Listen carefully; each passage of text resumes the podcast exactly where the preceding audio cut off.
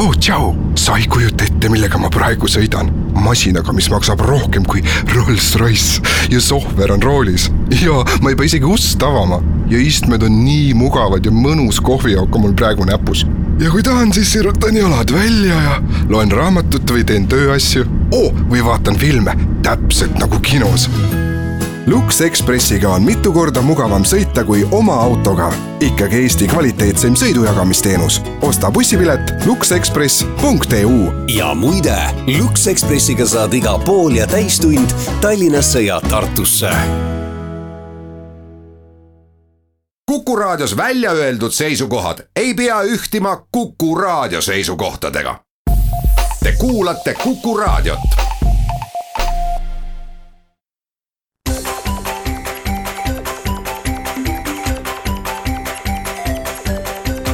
maksumaksja koostöös Eesti Maksumaksjate Liiduga. tere päevast, eetris on saade Maksumaksja, mikrofoni ees on Lasse Lehis. Äh, täna räägin kinnisvaraga äh, seotud maksudest ja põhjus on mm, selles, et esimesest oktoobrist äh, hakkab kehtima üks muudatus käibemaksuseaduses, mida on kasulik teada paljudel, kes kinnisvaraäriga tegelevad. Äh, jutt käib siis käibemaksuga maksustamisest. jah, tõsi, tavakodanikku see ei puuduta, aga mm, kinnisvaraga tegelevaid ettevõtjaid on meil piisavalt palju, keda see mm, säte võib äh, puudutada ja mm, väga võimalik, et selle uudise teadasaamisel võib tekkida huvi veel kribinal-krabinal kui võimalik, enne kuu lõppu mm, korraks notaribüroost läbi astuda ja, ja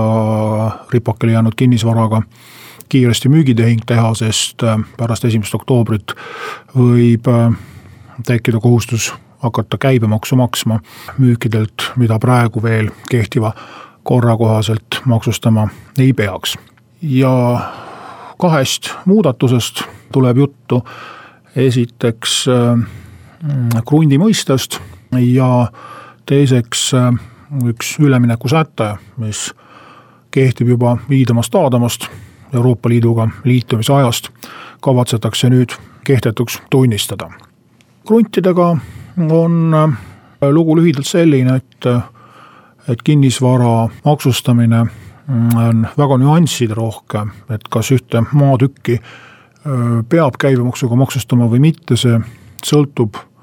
väga paljudest asjaoludest, esiteks sellest, kas seal peal on ehitis, mm, siis mida see ehitis täpselt endast kujutab, on ta uus, on ta kasutatud, on ta eluruum, on ta midagi muud, kavatsetakse seda ehitist lammutada või on ta pooleli? Ja samamoodi siis maatükid, millel veel ei ole mitte midagi ehitatud või äh, on ära lammutatud, see, mis seal kunagi oli, ka nende puhul on üsna mitu asjaolu, millest see käibemaksu lisamine äh, sõltub. ja muutmisele konkreetselt läheb siis mõiste krunt, mis asendatakse mõistega ehitusmaa ja lihtsustatult käib jutt siis sellistest maatükkidest, mille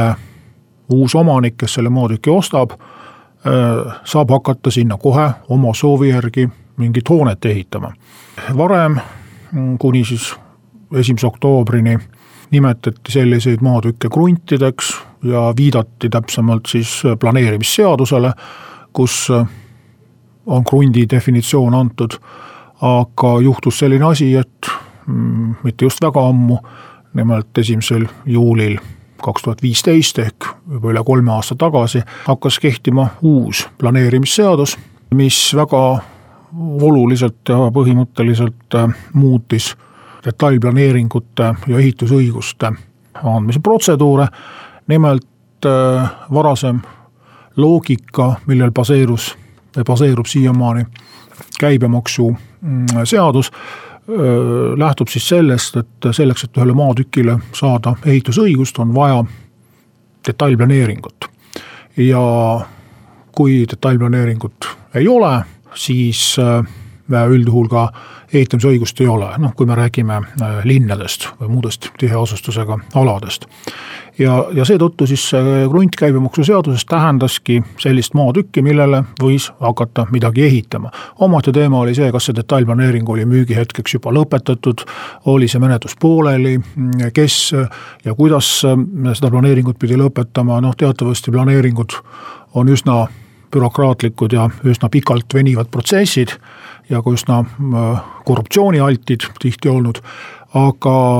probleem tekkis siis sellest, et äh, viimasel kolmel aastal äh, tekib õigus ehitada ka näiteks projekteerimistingimuste alusel, äh, võib-olla isegi ehitusloa või ehitusteatise alusel, kus ei ole mingit planeeringut vaja teha, vaid lihtsalt esitatakse linnavalitsusele teatis ja hakatakse ehitama, ehk siis neid maatükke, millele ostja saab maja ehitada, on palju rohkem ja Äh, praegu veel käibemaksuseaduse mõistes nad siis käibemaksuga maksustatavateks ei kvalifitseeru. Äh, pärast esimest oktoobrit äh, lähevad need kõik maksustamisele, kuna siis tuleb krundi asemel kasutusele selline definitsioon nagu ehitusmaa ja sellel on siis juba terve pikk rodu tunnuseid toodud, lisaks detailplaneeringule, mis praegu on siis juba nimetatud projekteerimistingimused, ehitisteatis, aga Mm, tegelikult, kui katastris on maa sihtotstarve vähemalt äh, üle viiekümne protsendi kas elamumaa või ärimaa, siis äh, piisab edaspidi isegi sellest, et äh, ostja, kui ta ostab elamumaad või ärimaad, siis ta kõikide eelduste kohaselt hakkab sinna kunagi midagi ehitama ja kui, ja polegi suurt vahet, kas siis ostja ise või on seda siis müüja tema eest teinud, hakkab siis vajalikke projekte ja planeeringuid või mida iganes tegema. kokkuvõtteks kõrvaldati siis väike seaduseauk,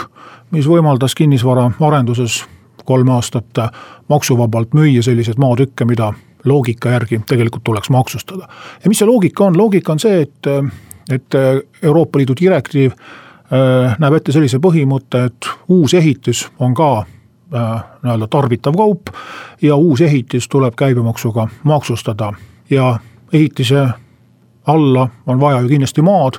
ja kui uus ehitis maksustatakse, siis kuulub maa sinna juurde. ja et ei oleks võimalik siis maksukohustusest kõrvale hiilida, ongi ette nähtud, et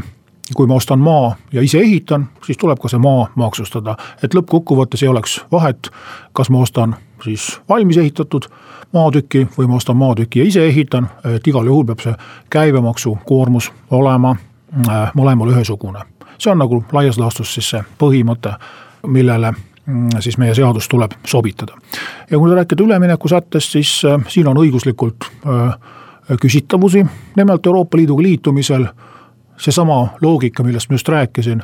Euroopa Liiduga liitumisel see loogika Eestis alles kehtima hakkas. ehk siis enne Euroopa Liiduga liitumist oli kinnisvara müük maksuvaba.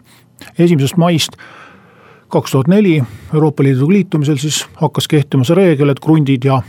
ja uusehitised peavad olema igal juhul maksustatavad ja selleks, et mitte rikkuda ettevõtjate õiguspärast ootust, oli väga mõistlik üleminekusäte, et kõik äh, maatükid, mis osteti enne esimest maid kaks tuhat neli ja kõik äh, ehitised, mida alustati, kus ehitamist alustati enne esimest maid kaks tuhat neli, nende müük on maksuvaba. ja ei ole oluline ajaline piirang, äh, ehitamine noh, eeldatavasti neli, neliteist aastat vast ei kesta, aga kindlasti on praegu piisavalt selliseid äh, krunte, mis on ammu-ammu ostetud, ripakile jäänud ja ootavad uut õnnelikku omanikku võib-olla veel aastaid või aastakümneid, siis põhimõte on ju sama, et nende kruntide ostmisel elati selles õigusruumis, kus äh, oli teada, et müügil ei tule käibemaksu maksta ja nüüd seda põhimõtet ja seda lubadust murtakse. Need põhjendused, millega seadusemuudatus tehti, olid küll pisut kummalised, et siin ettevõtjad, kes seda ebameeldivat üllatust ei soovi endale, on kahe suhteliselt halva valiku ees, esiteks kiiremas korras enne esimest oktoobrit oma krundid maha müüa ja teiseks siis hakata õiguskantslerile kaebekirju saatma või maksuametiga kohtusse minema, lootuses, et ehk kõrged kohtud tunnistavad selle muudatuse põhiseaduse vastaseks. häid variante siin rohkem lootusrikkaid ei ole. jätkame kinnisvara teemaga pärast väikest pausi.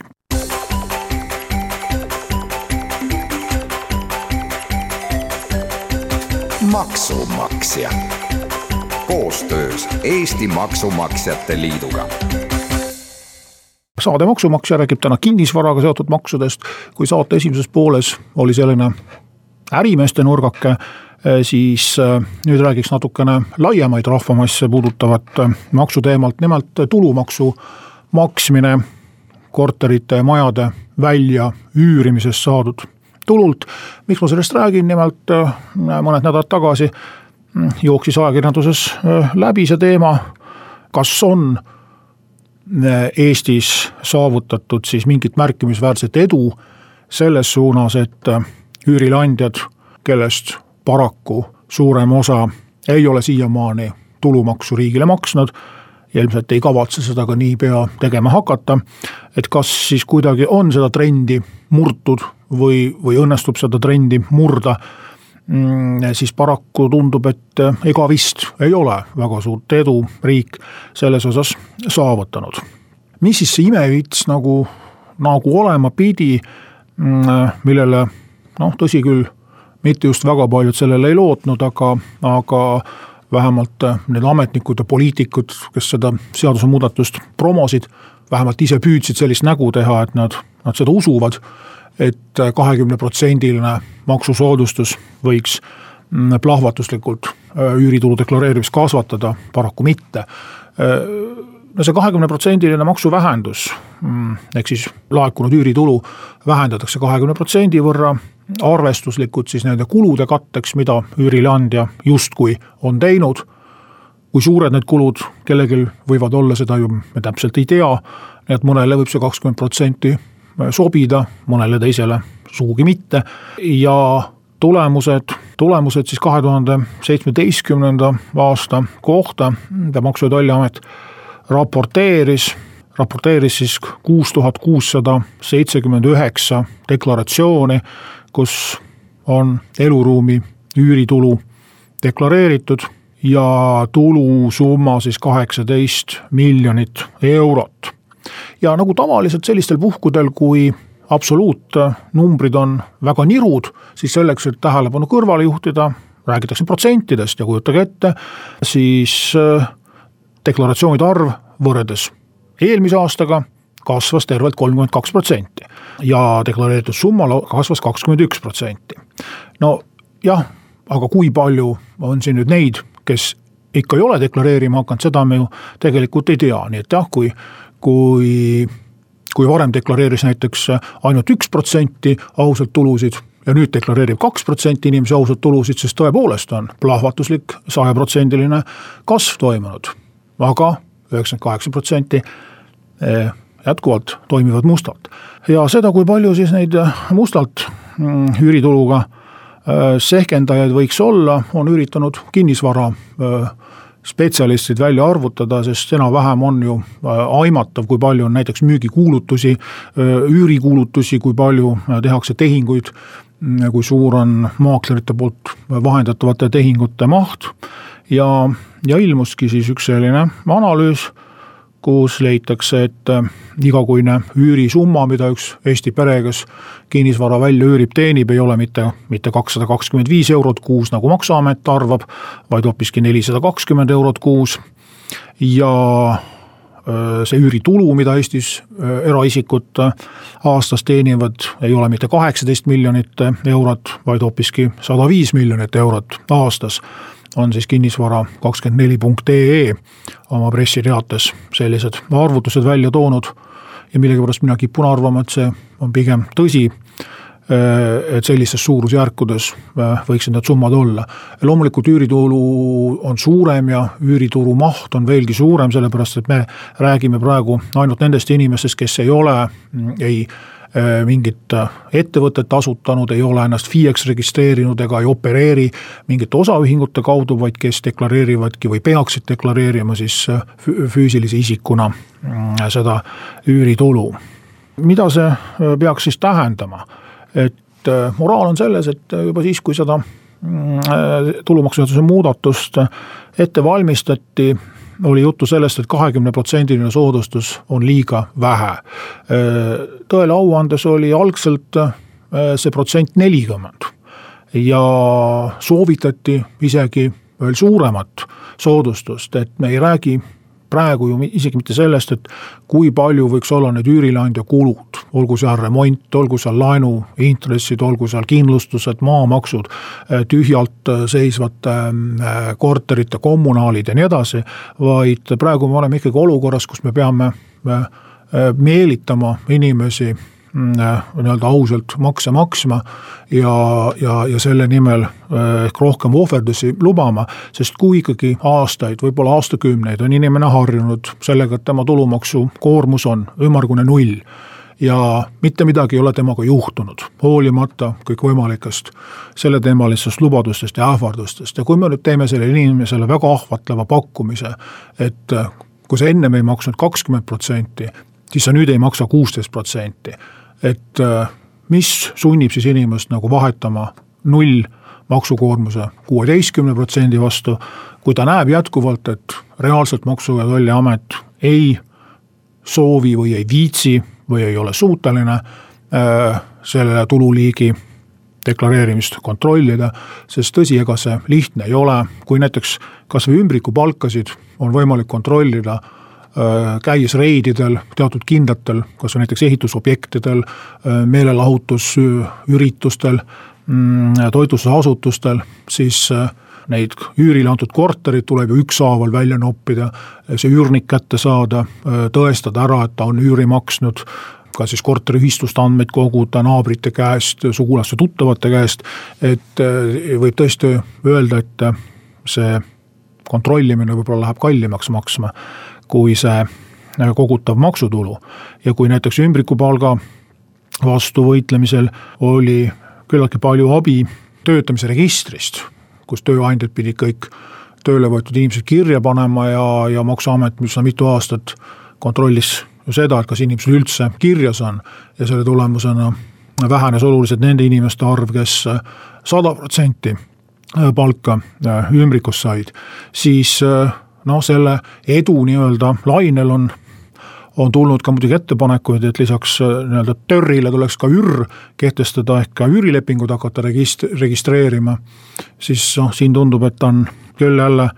jälle võib-olla liigselt lootusi, et, et, et kas masinad Äh,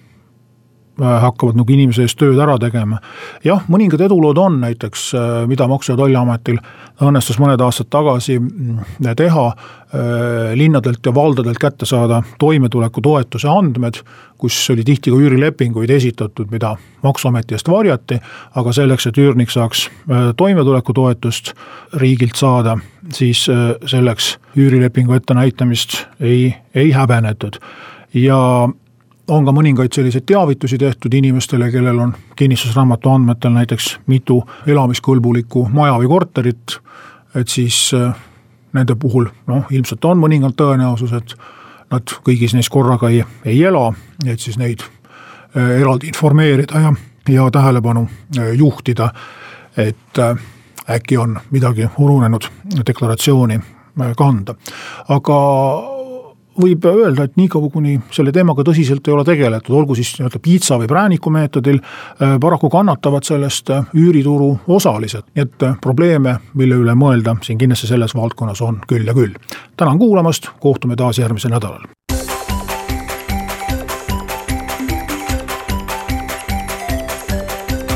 maksumaksja koostöös Eesti Maksumaksjate Liiduga